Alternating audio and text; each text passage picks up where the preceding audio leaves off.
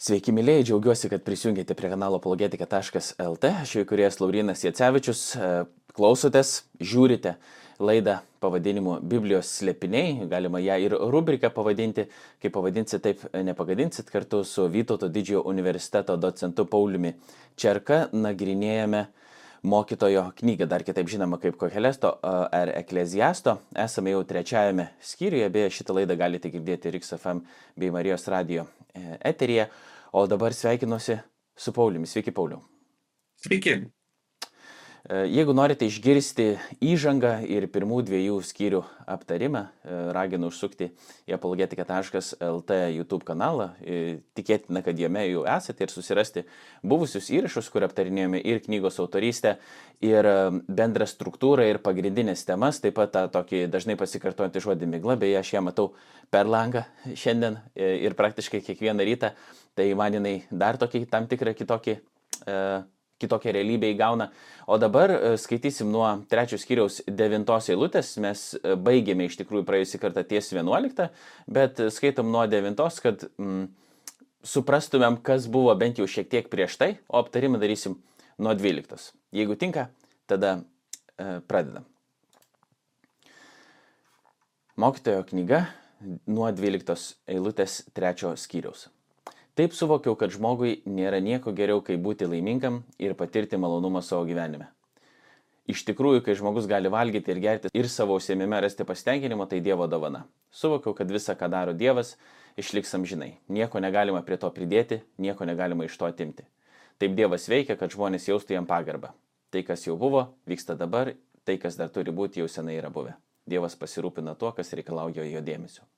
O prieš tai buvo sakyta taip. Tad kokia nauda dirbančiam iš jo triuso. Stebėjau užsiemimus, kurie užsimti žmonėms Dievas lėmė. Visa, ką jis daro, tinkama tam laikui. Be to įsidėgė amžinybė į širdį, bet žmogus negali perprasti nei pradžios, nei pabaigos to, ką Dievas daro. Apie tai, ar galim ar negalim perprasti tai, ką Dievas daro, mes jau kalbėjom praėjusį kartą, dabar mokytojas sako, taip suvokiau, kad žmogui nėra nieko geriau, kaip būti laimingam ir patirti malonumą savo e, gyvenim. Ar iš tikrųjų nieko nėra žmogui geriau, kaip būti laimingam ir patirti malonumą? Taip, šita tezė, Ekleziasto knyga atsikartoja šešis kartus ir panašu, tai yra tam tikra išvada, prie kurios prieina galbūt e, mūsų mokytose, galbūt knygos redaktorius, čia sunku pasakyti, e, kurį balsą mes girdime, bet aišku, kad tai yra išvada, kurios mes turėtume galutinai pasimokyti. E, gali būti, kad ją perskaičius taip paviršutiniškai atrodo, kad mums siūloma nerūpestingai tiesiog gyventi. E, ir esam girdėję turbūt tą išsireiškimą valgykime ir gerkime, nes ir toj mirsime. Vis tik šitoje vietoje idėja yra netokia. Greičiau tai atspindi tai, ką yra paštalas Paulius e, pirmam laiške Timotėjai šeštam skyriui yra išreiškęs na, panašiais, bet savai žodžiais. E, štai nuo šeštos eilutės pasakyt. Žinoma maldingumas yra didelis pelnas kai pasitenkinama tuo ką turi. Juk mes nieko neatsinešėme į pasaulį ir nieko neišsinešime turėdami maisto ir drabužį būkime patenkinti. Kas geidžia pralobti pakliūva į pagundą ir spąstus bei daugelį neprotingų ir keiksmingų aistrų kurios žmonės sugadina ir pražudo. Visų blogybių šaknis yra meilė pinigams Tai šiuo atveju va, tas pasitenkinimas ir yra tai, ką bando įrodyti mokytas, sakydamas, kad laimingiausias žmogus yra tas, kuris sugeba pasitenkinti mažu. Jis, jis įreiškia maždaug valgymu ir gėrimu ir pasitenkinimu, kad jeigu tu turi nedaug, tau užtenka pavalgyti, turi būstą e, virš galvos, sakykime, stogą virš galvos, turi tuos gyvenimo minimumus ir jauti kad tau užtenka, tu laimingiausias žmogus pasaulyje. Nes tu laimingesnis už tą, kuris gal turi daugiau, bet yra nepatenkintas tuo, nori dar daugiau. Iš esmės, Ekleziastas įrodinėja, kad jeigu gyvenimas toks trapus ir nevaldomas, tai laimingiausi yra tie, kurie pasitenkina na, tuose mažose, paprastose, įprastose dalykuose. Tai jo tezė yra gera bet prie jos mes prieinam svarstydami apie gyvenimą ir prieidami prie panašios išvados, kad turbūt laimingiausi yra žmonės tie, kurie mažame pasitenkina, o ne tie, kurie, na, sakykime, um, tiems, kuriems pavyksta ar nepavyksta pasiekti daugiau ir dar daugiau. Tai šitą tezę yra atsikartojanti į tokią gaivi, į tarytum džiaugsmo receptas, kurį mums siūlo eklesiastas. Įdomu, kad jis yra paminėtas šešis kartus ir trūksta to septintojo. Ir čia mes turim tam tikrą, na, turbūt nuostatą, kad vis tik žemėje, kad ir kiek mes turėtume to pasitenkinimo, to saikumo, kuris yra geras, vis tik tai nėra maksimalus pasitenkinimas, kuris na, mūsų kaip tikinčiųjų, kaip moko šventas raštas, laukia e, regint palaimintą Dievo regėjimą. Tai šiuo atveju tai yra ta netobula, bet vis tik laimė žemiškoje kelionėje. Ir pirmam laiškė korintiečiai 15 skyriui 32 eilutė apaštalas Paulius e, rašo, tiksliau cituoja, bet jau yra nuoroda į Izaijo 20, 22 skyrių, e, kad valgykime ir gerkime, nes rytoj mirsime, bet prieš tai sako, jeigu mir, mirusiai nebus prikelti, tai valgykime ir gerkime, nes rytoj mirsime. Ne, kad e, tas visas 15 skyrius pirmo laiško korintiečiam yra apie Kristaus prisikelimą ir to prisikelimo svarbą ir tokius kaip argumentus tiem, kurie sako, kad vis dėlto mirusių prisikelimo nebus. Ir pasakojas apie tai, kad jeigu mirusiai, kad jeigu Kristus neprisikėlė, mes esame lagiai, esame apsišaukėliai ir esame dar savo nuodėmėse ir sako, iš tikrųjų, jeigu mirusiai nebus prikelti, tai kas mums daugiau belieka? Jeigu taip žiūrint grinai savo tokio proto gyvenimo žvilgsniu, tai tiesiog nu, mat, galima valgyti ir gerti, nes rytoj mirsim. Iš principo, koks skirtumas, tai tiesiog pasidžiaugti kažkuo dar, ką turim, o kitoj vietoj toliau, man atrodo, taip pačiam mokytojo knygoj, mokytojas sako, kad geriau viena sauja su poilsiu, negu dvi sauja su vargu ir vėjų vaikymuose. Ne, kad irgi yra, atrodo, lengviau, geriau pasitenkinti e, mažai to, ko turi, bet pailsėti, nepersistengti labai, ne, nepersidirbti, negu kad turėti daugiau, bet iš tikrųjų būti labai išvargus. Ne, kažkokia tokia pati mintis. Taip, būtent taip. Iš esmės mokytas mus veda į tą susitaikymą su gyvenimo nevaldomumu, ką jis vadina Hevel, kad mes priimtume tai Nors mums, mums visada atrodo, kad mes įveiksime tą myslę, įveiksim tą slėpinį. Ir kartais e, religingiam žmonėm, tikintiem žmonėm na, susidaro įspūdis, kad e, jie gali valdyti gyvenimą galbūt tikėjimo, maldos, dvasingumo pagalba. Tačiau iš tikrųjų e, na, mes to nematome, tai yra irgi tam tikra iliuzija. Gyvenimas mums net ir tikintiems žmonėms ar dvasingiems žmonėms, religingiems žmonėms nėra suvaldomas, jis mums taip pat yra, ne, jo ateitis yra neaiški, procesai neaiškus.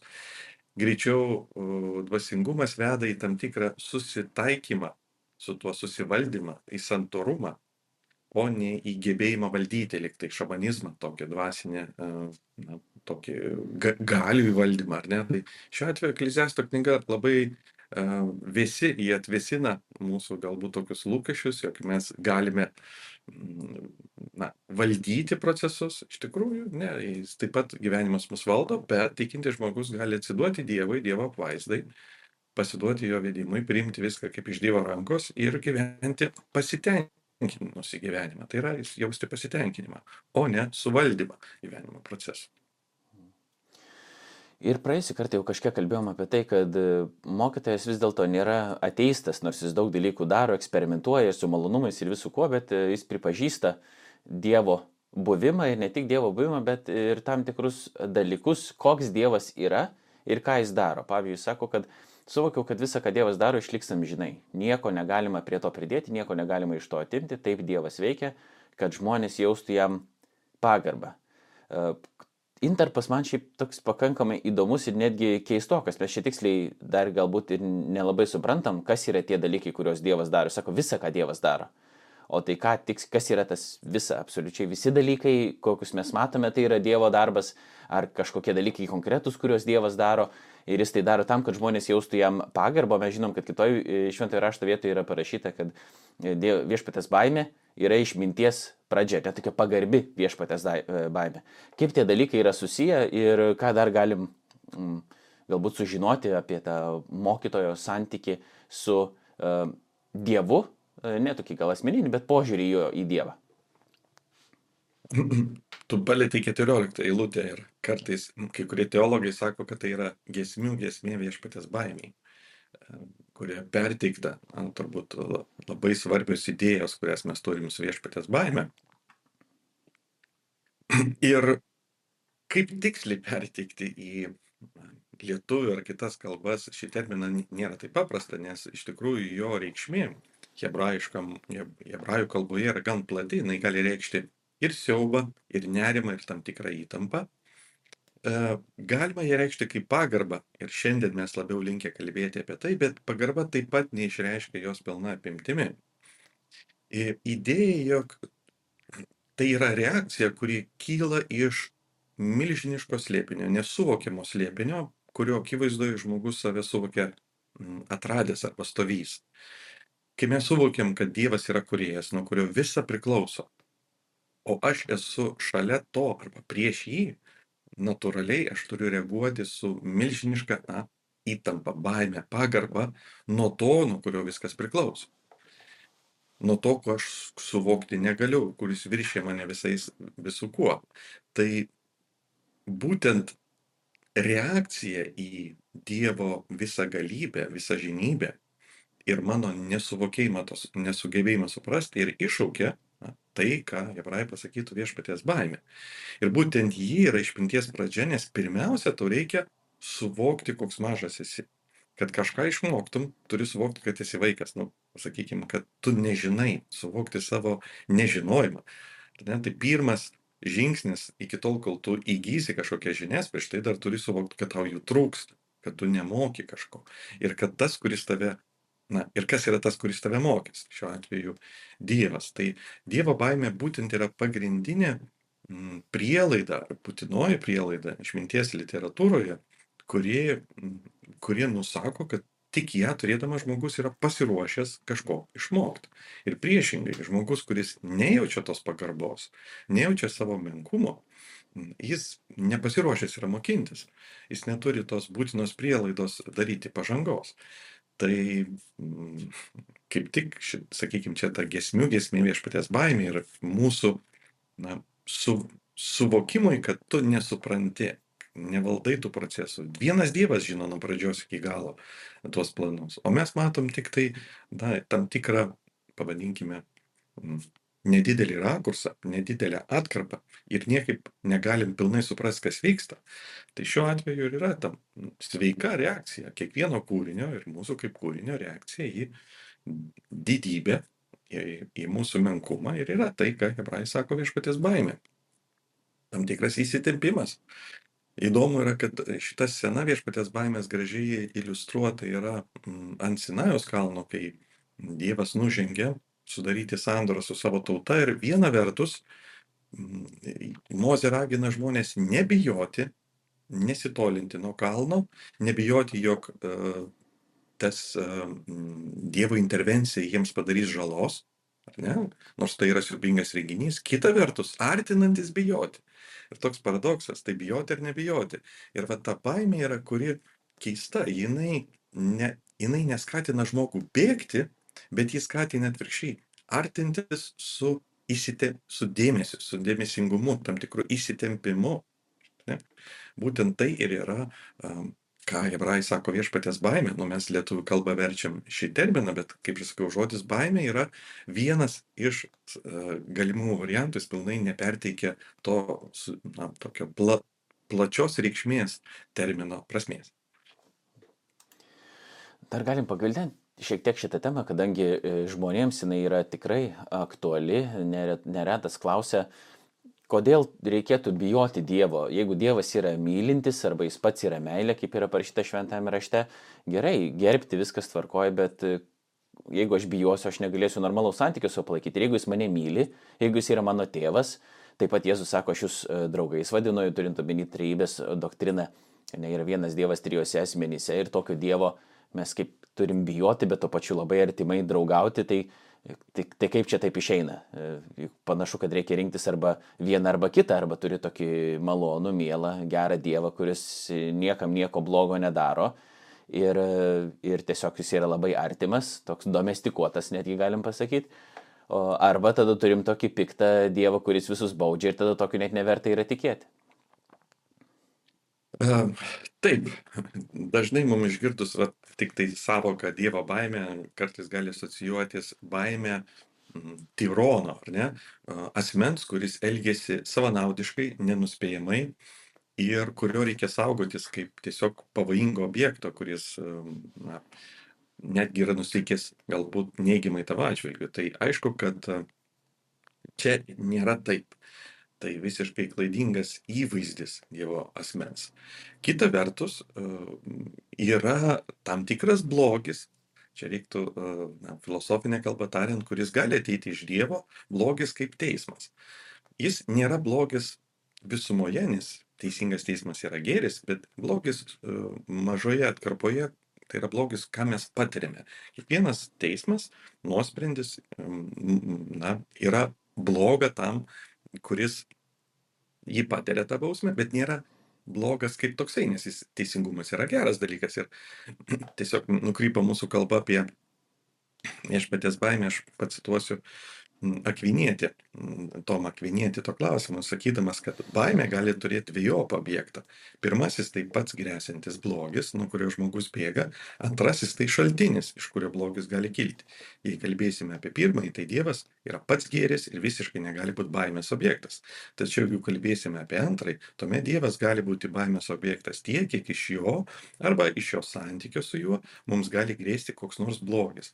Ir čia jis kalba toliau apie teismo Dievo nuosprendžiu atnešama na, nuostolį arba žalą, neigiamus padarinius, kas filosofinė kalba ir būtų bloga. Bet kadangi pats teismas sprendimas ir Dievo teismai yra teisingi ir tai yra gera, šiuo atveju na, tai, tai nėra bloga kaip visumoje, tai yra tik tai patiriama mūsų kaip bloga man, kaip kūriniui ir todėl aš to turiu bijoti įtampa, jog mes turime santykių su Dievu, turi išlikti. Aš suprantu, kad viena vertus mes galime įsitemti ir turėti tą tironiško Dievo įvaizdį. Ir čia e, mes turime na, priminti, kad Kristus vadina savo mokiniais draugais. Taip. Kita vertus, galime nukreipti kitą kraštutinumą į tam tikrą familiarumą kuomet e, mes nejaučiame savo kaip kūrinio statuso ir nejaučiame paskutinę teismo dienos reikšmės. Ne, tokio, e, vis galvom, kad viskas labai yra paprasta. Tai šiuo atveju Dievo baimė mus e, šiek tiek gražina į tikrovę ir į tai, ką moko Ekleziasto knyga. Mes gyvenimo negalim pažinti, jų procesų, rytojus nevaldome, laikų nevaldome. Ir matysim visoje knygoje, kad kiek daug mažų ir didelių dalykų nevaldom. Tai, tai, mus, tai mums skatina, na, su pagarba žiūrėti tą, kuris valdo ir jo akivaizdai būti. Tai šiuo atveju tam tikras nuosprendžių blogis gali būti, kuriuos mes turime bijoti, bet jis nėra mums blogą linkintis blogis, ar ne? Nėra neteisingas, nėra savavališkas, nėra tironiškas blogis. Žvelgiant ar į tokius e, žmogiškus pavyzdžius, galim prisiminti ir nesenai čia audrą praužusią Lietuvoje, bent jau rytiniai e, jos pusė, aš gyvenu visiškai šalia E, tos vietos, kur jinai praėjo, e, mes tik matėm daug labai žaibų, girdėjom griaustinių, mum elektrą visai išjungė, sėdėjom namie, kad niekas, e, ne, jokie prietaisai nesudegtų ir nieks neužsidegtų. Bet už e, keliasdešimt kilometrų buvo išvartyta labai daug medžių, net už keliolikos buvo visas miestas patvinęs, mašin, automobiliai negalėjo pravažiuoti, o už keliasdešimties kilometrų medžiai buvo išversti, kai kur net namai apgriauti, elektros stulpai nuversti ir žmonės susirašinėdami socialinėse medijose, stebėdami šitą stichiją, po to dėdami nuotraukas įvairiuose kanaluose, reiškia tokią pagarbę baimę, tokia aišku ir nesupratimą, ir liūdėsi, kad taip įvyko, bet to pačiu, kad e, jie suprato, kad nelabai ką gali padaryti iš tikrųjų. Tiesiog laukti ir būti, nes ta stichija jinai eina, jinai turi tokią galę, kurios jie patys gal nesupranta, mes patys nesuprantam ir negalim suvaldyti. Ir jeigu kalbėtume apie kitas vietas, pavyzdžiui, žmonės dažnai irgi dalyjasi, kai jeigu pabūna prie kalnų kokio nors arba kokio nors įspūdingo labai gamtos reiškinio kaip krioklio, jie jaučiasi tada tokie uh, mažyčiai ir tarsi ir įtampa yra tokia, kad štai toks didelis dalykas, kur, kuris yra už mane ženkliai galingesnis, bet tuo pačiu jiem e, tai kelia žavis ir norisi kaip ir arčiau prieiti. Kai kuriem net, pažiūrėjau, į, į kraterių glikalnių norisi pažiūrėti, nes tai yra taip nu, įspūdinga, bet uh, neleidžiama yra eiti, nes gali įkristi arba karštis eina didelis. Ir uh, tai tokie, ar tokie pavyzdžiai gali būti taikomi čia, bandant mums suprasti tada uh, Dievą, nors jis yra asmeniškas, jis nėra nei krioklys, nei dar kažkas, bet kaip metafora, bent, bent kaip būdas prieiti prie šitų dalykų, kad tai yra netironiškas kažkoks blogis ar didybė, bet tai yra e, tokia, iš tikrųjų, Dievas yra daugiau negu bet koks krioklys, negu bet koks ugnikalnis, negu dar bet kažkas, kas ir tai reikalauja pagarbios viešpatės baimės. Taip, e, tai e, suprantama, kad kiekvienas palyginimas, ypatingai kūrinių palyginimas mums neperteikia e, kurėjo esmės, bet bent e, ta reakcija, kurią mes jaučiame, vat, prisartinę prie kažko dingo reginio, mus pranokstančio savo na, gale, e, dydžiu ir, ir kitais dalykais, kažkuria prasme mums atsiranda tam tikra nuostaba, mes norim ir artintis, bet kita vertus e, įkelia mums tam tikrą įtampą, kad a, na, gali, tai nuo mūsų gyvybė nuo to priklauso, ar ne? Tai šiuo atveju iš tikrųjų tai, na, sakyčiau, gan taiklus vaizdiniai, ką, ką hebrajai sakydavo, naudodami šį terminą viešpatės baimė. Ir baimė, kuris skatina artintis ir įsiklausyti. Na, su atidumu, reiškia, ne baimė, kuris skatina bėgti ir slėptis, kaip buvo na, pasakojame apie nuopolį, ar ne, kuomet Adomas pasislėpė, sakydamas, išsigandau ir todėl pasislėpiau, ar ne, tai visiškai netokia baimė, bet ta, kurią atėjau ir klausausi, ne, atėjau su pagarba, su, su tam tikra tyla, kad įsiklausyti, ne, tai būtent tokia reakcija. Galim trumpai aptarti 15 eilutę, nors panašią mintį jau apkalbėjom ankstesnėse laidose. Tai, kas buvo jau e, vyksta dabar, tai, kas dar turi būti jau seniai yra e, buvę. Tarsi nuorodė tokį, e, galbūt ne visai laiko cikliškumą, bet tai, kad žmogus kaip toks ir gyvenimas kaip toks jis yra iš principo uh, labai panašus. E, ir nėra taip, kad šiandien yra labai kažko tokio jau naujo ir mums yra nebeaktualu tai, kas vyko prieš 2000 ar netgi daugiau metų, nes žmogaus prigimtis yra išlikusi tokia pati.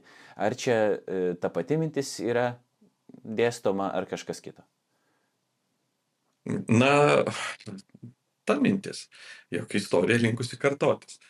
Ir ypatingai linkusi kartotis ten, kur mes jos nežinome. Va. Bet e, ne visada kartojasi na, absoliučiai identiškai. Tam tikrą prasme, tam tikras pokytis yra, bet e, jei nebūtų pasikartojimo, mums visiškai jinai nedomintų, ar ne? Kodėl mes mokomės istoriją? Tam, kad geriau suprasti e, dabartį. Ir va, tas klausimas, o kodėl jį kartojasi? Kasgi yra čia tokio, kad e, tie procesai atsikartoja ir, na, mokytojas kalba, tarytum Dievas ją pašaukė tarytum yra kažkas, kas valdo tos procesus ir dėl to, kad yra tie procesai valdomi, jie linkia kartotis. Tai čia toks būtų ekleziasto argumentas, jog jei istorija kartojasi, tai reiškia yra kažkas, kas ją kartoja. Taip jisai pateiktų tą savo argumentą. Ir toliau jis sako, Dievas pasirūpina tuo, kas reikalauja jo dėmesio. Ar yra dalykų tokių pasaulyje, kurie nereikalautų Dievo dėmesio, mes galim taip paklausti. Ar čia reikia suprasti, kad jis pasirūpina viskuo? Čia iš tikrųjų gan įdomus vertimas. E, tas terminas e, pasirūpina tuo, kas reikalauja dėmesio, na, grinai techniškai pažodžiu, yra tai, kad Dievas ieško arba išieško e, to, kuris yra išvytas. Ir štai čia jau yra diskusija, kas galėtų būti tas, kuris yra išvytas arba persiekėjimas. Tai gali būti asmenys arba tai gali būti įvykiai. Tai galbūt šiuolaikiniai daugiau modernus mąstytojai, kritikai kalba apie tai, kad tai yra eilutė, kuris sako, kad jeigu tai, kas buvo, vėl kartojasi, reiškia tai, kas buvo, yra kažkuria prasme išvyta, mūsų jau pamiršta. Mes manome, kad to niekada nebus, bet kažkodėl tai, tai sugrįžta ir būtent tarytum Dievas yra tas, kuris uh, leidžia tiems procesams kartotis. Tai čia būtų na, vienas požiūris. Kitas yra, kad tai yra persiekėjamieji. jog istorija yra ganėtinai na, neteisinga, socialinė prasme neteisinga, yra daug to neteisingumo, yra daug neteisybės, daug uh, skausmo, daug tos um, prievartos, ar ne, kuri yra per istoriją e, patirta ir vienas Dievas gali tai um, išlyginti. Ar tai paskutinė teismo diena, ar kažkokiu kitu būdu, bet būtent jisai yra tas, kuris išlygins tą neteisybę. Ir čia turbūt galim pagalvoti, kad pakankamai yra daug yra genijų, kurie buvo išryti arba persikėjami savo metu. Ir Edisonas, ir Einšteinas, ir Mendelio genetikos dėsniai, ar ne, kuriuos biologijos mokykloje mokomės, biologijos klasėse, jie visi savo laiku buvo nepripažinti ir netrasti tarytum. Na, išvykti, bet vėliau atrasti ir pripažinti. Ir toks likimas buvo ir e, Biblijoje veikiančių pranašų, jie buvo nesuprasti ir persikėjami savo metu, toks likimas na, visų genialių žmonių. Va, tai viena vertus tai gali kalbėti apie žmonės, gali veikti, kalbam apie procesus ir čia vat, šiam vertime mm, profesorius Rupšys jis pasiūlo na, sulietuvinti, kad Dievas pasirūpina svarbiais dalykais. Ir na, jis išvengia to, kas tie dalykai būtų žmonės ar asmenys, bet iš tikrųjų eilutė gan paini ir um, tekstas ne visai aiškus ir galima įvairių interpretacijų pateikti. Einam tada prie 16 eilutės. Be to mačiau pasaulį, kad vietoj teisingumo buvo nedorybė ir vietoj teisumo buvo nedorybė. Širties savo tariau ir teisuolį, ir nedorėlį teis Dievas, nes kiekvienam reikalui ir kiekvienam įvykiui skirtas laikas. Jau šiek tiek minėjote apie Dievo teismą ir kad tikrai yra daug uh, nedorybės. Ir čia mokytojas sako ir vietoj teisingumo, ir vietoj uh, teisumo buvo nedorybė. Kuo šitie terminai skiriasi? Vis tiek tikriausiai teko pažvelgti į juos giliau, kokie yra originalų žodžiai iš jų ir ar tikrai ta nedarybė už jų slypi. E, na, idėja čia tokia, sakykime, ne tiek tose terminuose, kiek e, kalbama apie tokį gan akivaizdų dalyką, kad e, mūsų socialinis gyvenimas, visuomeninis gyvenimas yra ganėtinai na, neteisingas. Lietuvos knyginuose galima buvo įsigyti knygą šimtas va, taip vadinasi, garsiausias pasaulio bylos, šimtas žymiausių teismo procesų. Įdomu yra tai, kad daugelis jų buvo didžiai neteisingi. Pradedant Sokrato bylą, pradedant uh, Jėzaus Kristaus bylą pas Poncijų pilotą, taip, grinai žiūrint iš uh, procesinės pusės, iš teisminio proceso pusės buvo padaryta daug pažeidimų tose bylose, Žana Dark bylose ir šiuolaikinėse bylose. Tai nuolat atsikartojantis dalykas, jog viena vertus mes turim teismą, iš kurio tikimės, kad bus įvykdytas teisingumas, bet istorija mums teikia pa, pavyzdžius po pavyzdžių, jog to teisingumo ten nėra. Na, tai nereiškia, kad uh, mes nusiviliam teismais ar kad jie nereikalingi, jokių būdų ne. Ar kad galima teisingumą įvykdyti kažkokiu kitu būdu be teismo taip pat ne vienintelis teismas gali tai atlikti ir nebreikalo mūsų konstitucijai turim tą vakarų visuomenės tam tikrą maksimą, kad teisingumą vykdo tik teismas. Tačiau, jeigu mes pažiūrėsime faktiškai, ar pavyksta jam įvykdyti tą teisingumą, tai jo kompetencijų jis yra, bet ar pavyksta vykdyti, tai čia dėja turim nuleisti rankas ir sakyti, yra kaip yra. Labai daug neteisybės labai daug nepavyksta pasiekti to teisingumo ir tai ne visada yra teisėjo brokas. Kartais supuola aplinkybės, kartais įrodymai nėra išsaugomi. Įvairiausių yra priežasčių. Nebūtinai tai yra na, sistemos įda, tai tiesiog yra mūsų netobulo gyvenimo dalis. Ir šiuo atveju tą klausimą iškelia, sakydamas, kad kodėl tiek daug neteisybės ir netgi ten, kur jos mes, na, iš principo nesitikėtume, tai yra teisingumo sistemoje. Ir jo atsakymas yra toks, kad Dievas leidžia net ir tai. Mums atrodo, kad galbūt jis turėjo sukurti tobulesnį pasaulį, tokį pasaulį, kuriame nebūtų neteisybės. Tačiau Dievas panoro sukurti pasaulį, kuriame yra neteisybė ir uh, tam tikrų būdų ta neteisybė uh, pasitarnauja jo teisybei.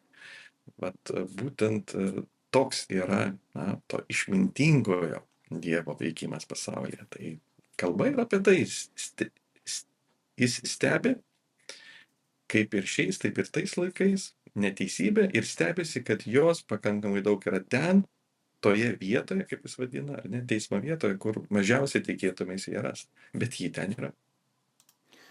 Ir galima sakyti, kad jis po to save ramina, nes sako, širdies savo tariau ir teisuoliai ir nedorėliai teis Dievas, nes kiekvienam reikalui ir kiekvienam įvykiui skirtas laikas. Atrodytų, kodėl ne dabar Dievas su, susitvarko su ta neteisybė ir neteisingumu ir nedorybė.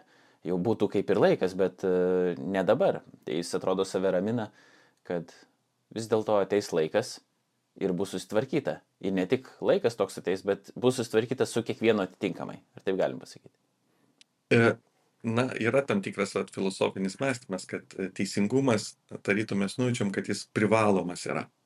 Jis nei ne jis turi būt aišku šiandien a grynai teistinės pasaulėžiūros kuomet yra na nepripažįstamas dievo kaip kūrėjo buvimas sunku pagrįsti kad toks metafizinis teisingumas yra reikalingas bet jeigu mes pripažįstam kad yra kūrėjas tai tokiu atveju jis turi būt teisingas o jeigu jis yra teisingas tai turi būti kažkaip ir teisingumas galutinis. Ir šiuo atveju mokytojas jis sako jeigu aš jo nematau dabar reiškia jis bus kažkada vėliau kažkokiu kitu laiku kažkaip jis turi būti na negali pasaulyje likti ta neteisybė aš ją matau bet atėjus laikui jinai turėtų būt kažkokiu būdu jis nežino kaip tai jinai turėtų būt išspręsta ir manau kad visai sveika na sveika išvada Skaitom toliau iki skyriaus pabaigos, nuo 18 eilutės. Tada apie žmonę širdyje savo tariau. Tai Dievas juos ištirs ir parodys, kad viduje jie tik gyvuliai. Juk žmonių ir gyvulių likimas yra toks pat. Ir vieni ir kiti miršta, nes turi tą patį gyvybės alsavimą. Žmogus nepranoksta gyvulio, nes visa tai migla. Abu eina į tą pačią vietą, abu yra iš dulkių ir abu į dulkės sugrįžta. Kas žino, ar žmogaus gyvybės alsavimas kyla aukštyn, ar gyvulio gyvybės alsavimas leidžiasi žemyn į žemę. Tad suvokiau, kad žmogui nėra nieko geriau, kaip rasti pasitenkinimo savo užsiemime, nes tai jo dalė, kas įgalins jį pamatyti, kas bus po jo. Ar neprieštrauja toks požiūris mokytojo pradžios knygos naratyvui? Sako jisai, kad žmogus ir gyvulis yra praktiškai toks pat, o pradžios knyga atrodo šiek tiek kitaip, viskas yra aiškinama, net ne šiek tiek, o ženkliai kitaip. E, na, pasvarstykim, jeigu mes e, pažiūrėkime, kas yra žmogus. Aristotelis sako, tai politinis gyvūnas, protingas gyvūnas, taip, e, bet tai gyvūnas. Mes turime labai daug bendro genetinė, biologinė prasme su gyvūnijos pasauliu, netgi socialinė prasme turime daug bendrumo ir pažiūrėjus vieną kitą, nereikia būti, sakykime, mokslininku, pažiūrėjus vieną kitą laidą iš gyvūnijos pasaulio, tu nustembė, ant kiek uh, tas pasaulis yra sudėtingas, jame vyksta socialiniai procesai, tam tikros bendruomeninės hierarchijos, netgi karai, teko skaityti apie ilgametį karą Afrikoje tarp uh, bežionių bendruomenių, pakankamai žiaurų su įkaitų grobimu ir, visais dalykais, kurie atrodo būdingi tik žmonių karams. Ir čia aiškiai matom tą tikrą bendrumą. Ir mirtis yra labai panaši, žiūrint iš materialiosios pusės, na, fizinės pusės. Siela, kuri yra pa žmogų, na, josgi negali a, taip ištyrinėdamas rasti. Atsiminkim, kad mokytojas sako, aš viską svaršiau ir tyrinėjau. Jo prieitis yra tiek, kiek mato protas. Ir nematomas pasaulis jam nėra prieinamas. O iš to, ką jis mato, skirtumų gal nedaug. Ir čia tenka pripažinti, kad jeigu mes matytume tik tai proto balsu arba tą išvalgos svarstymų ir tyrimų prieitimi, tai tiesą pasakius, žmogus tikrai savo gyvenimu, socialiniu gyvenimu, genetika nu, neįsiskiria nuo gyvūnų. Ir matyt, skirtumas yra toje dalyje, kuri nėra mums na, pasi, prieinama taip, kad galim pasverti ar išmatuoti. Mūsų siela nėra tokia. Mes galim nujausti, kad ji yra, bet įrodyti, ar ne, jos buvimą tokiu eksperimentiniu būdu, na, turbūt neišeitų. Čia yra įdomu, kad jis kalba apie alsavimą, tai žodis hebrajiškas yra ruoh, ir kartais mes jį suprantam, kad būtent e, krikščioniško supratimo būdu, kad tai yra galbūt žmogaus dvasia, tas vidinis žmogus, bet kartais e, hebrajų literatūroje dvelkimas kalba tiesiog apie gyvastį. Ir čia vat, galim prisiminti pirmas švento rašto eilutes, kuomet pasakyta, kad dvasia dvelkia virš gelmės, virš vandenų ir Dievas tarė. Ir va tas dvelgsmas yra tas, kuris įneša gyvenimą į Dievo kūrinyje, visai kūrinyje, jis padaro ją gyvą, tarytum tam tikrą energiją, kodėl uh, daiktai atgyja. Ir mirties momentu ta energija grįžta pas tą, kuris ją davė. Ir uh, mokytas sako, aš nežinau, kur ji pasideda. Ji tarytum yra, aš matau žmonės gyvos ir paskui staiga jie yra mirę. Kur dingo ta gyvastis? Taigi čia kalba ne apie žmogaus sielą, bet kalba apie tą gyvastį, kuri yra pas visus, pas visus kūrinius.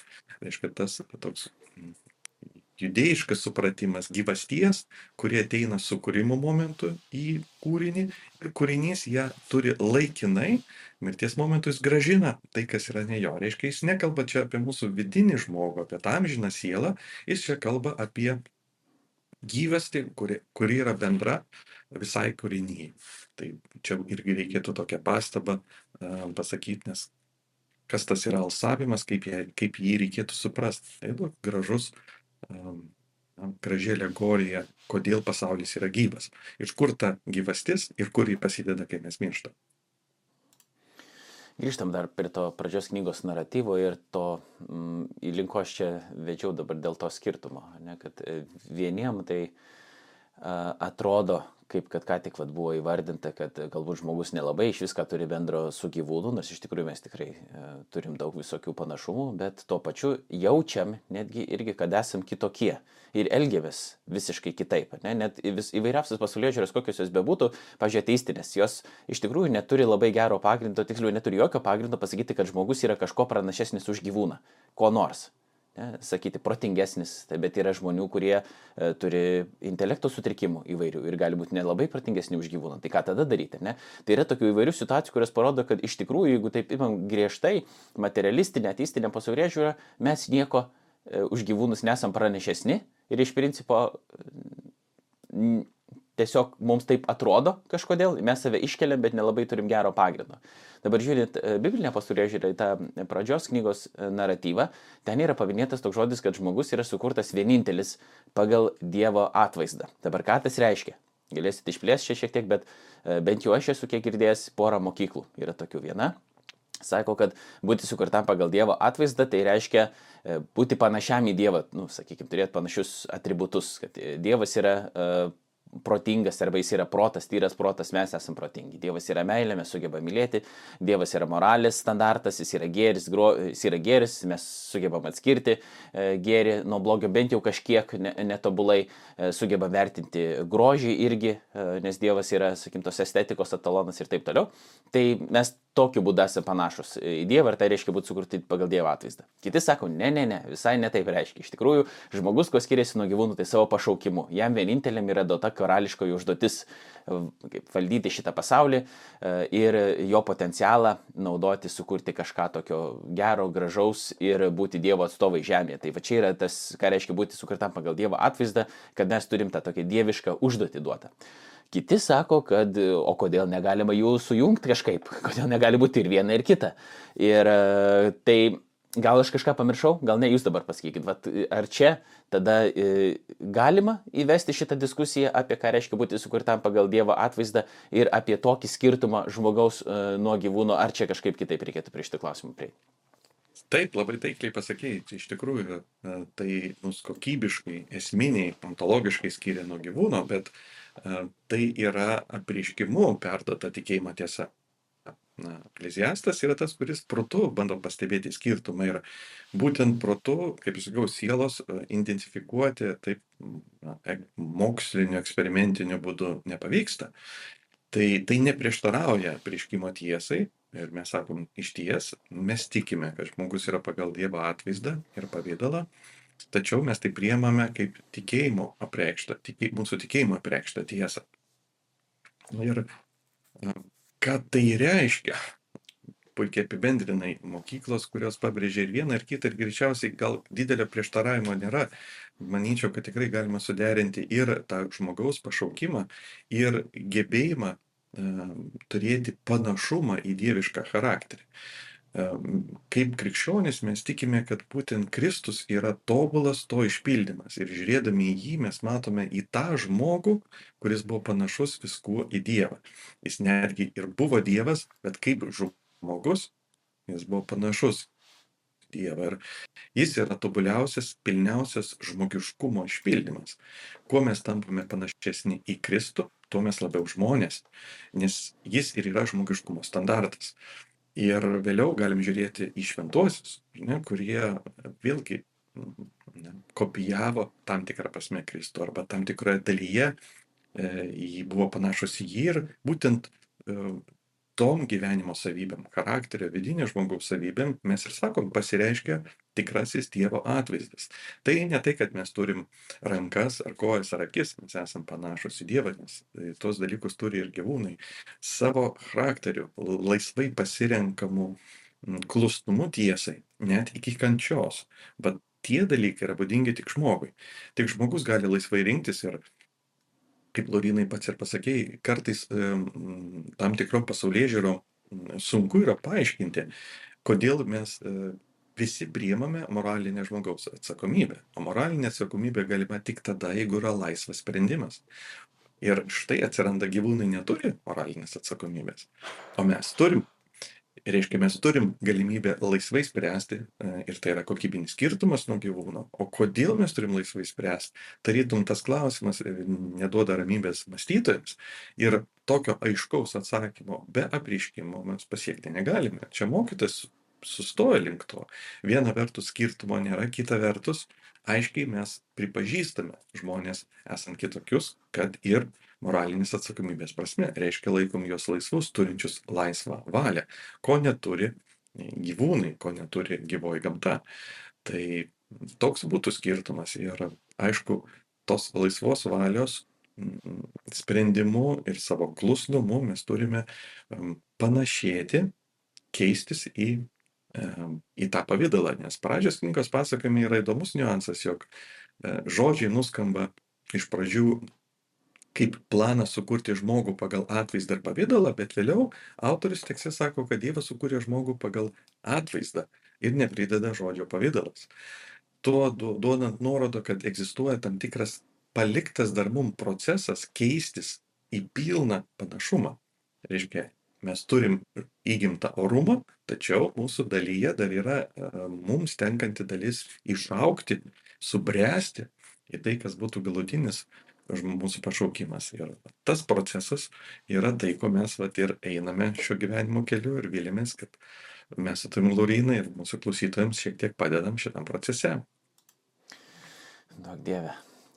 Čia tokio porais klausimų klausia, kas žino, ar žmogaus gyvybės alsavimas kyla aukštyn, ar gyvulio gyvybės alsavimas leidžia žemyn į žemę ir po to, kas įgalins žmogų pamatyti, kas bus po jo. Čia tarsi tokie kaip ir retoriniai klausimai, mokytas jos atsakymų neturi, nes jis žiūri, jis tyrinėja, jis aiškinas, jis neranda atsakymų. Bet mes iš to, ką kalbėjom, galėtum tada sakyti, kad yra kas žino. Dievas žino kaip kuriejas ir jeigu yra prieškimas, tam tikrus dalykus mes galim įsiaiškinti, jeigu ne visiškai pilnai suprasti, bet galimybė tokia yra. Taip, e, ekleziastui mirtis yra ta siena, už kurios jis nemato. Ir mes, tiesą pasakius, protu irgi nematom.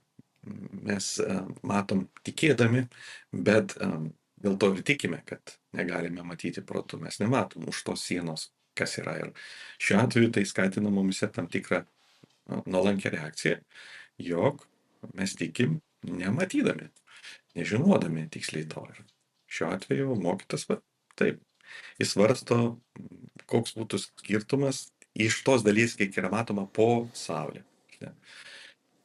Atrodytų, kad didelio skirtumo nėra, nors jie yra nujaučiami, kad turėtų būti. Čia jau yra, sakykime, pat klausimas, kaip gyventi materialia prasme, ne, kad e, jaustis kažkokį pranašumą. Ir jis sako, jeigu gyvenimo, gyvenimas kokybiškai labai nesiskiria nuo e, gyvūnų gyvenimo, tai ar verta jam taip atsiduoti, ar ne, ar verta būti taip į jį įsikabinus. Nu, čia, čia turbūt jo toks yra uh, sarkastiškas argumentas tiems, kurie be galo žavisi savo materialiu gyvenimu. Jis tada sako, parodyk man skirtumą, kuo tu skiriesi nuo, papr nuo paprasto gyvūno. Ačiū Pauliu, ačiū visiems, kurie buvote esate, viliuosi ir būsite kartu su mumis.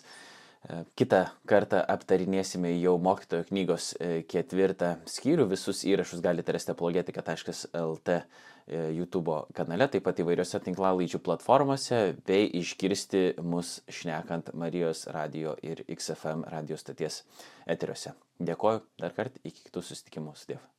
Sudė.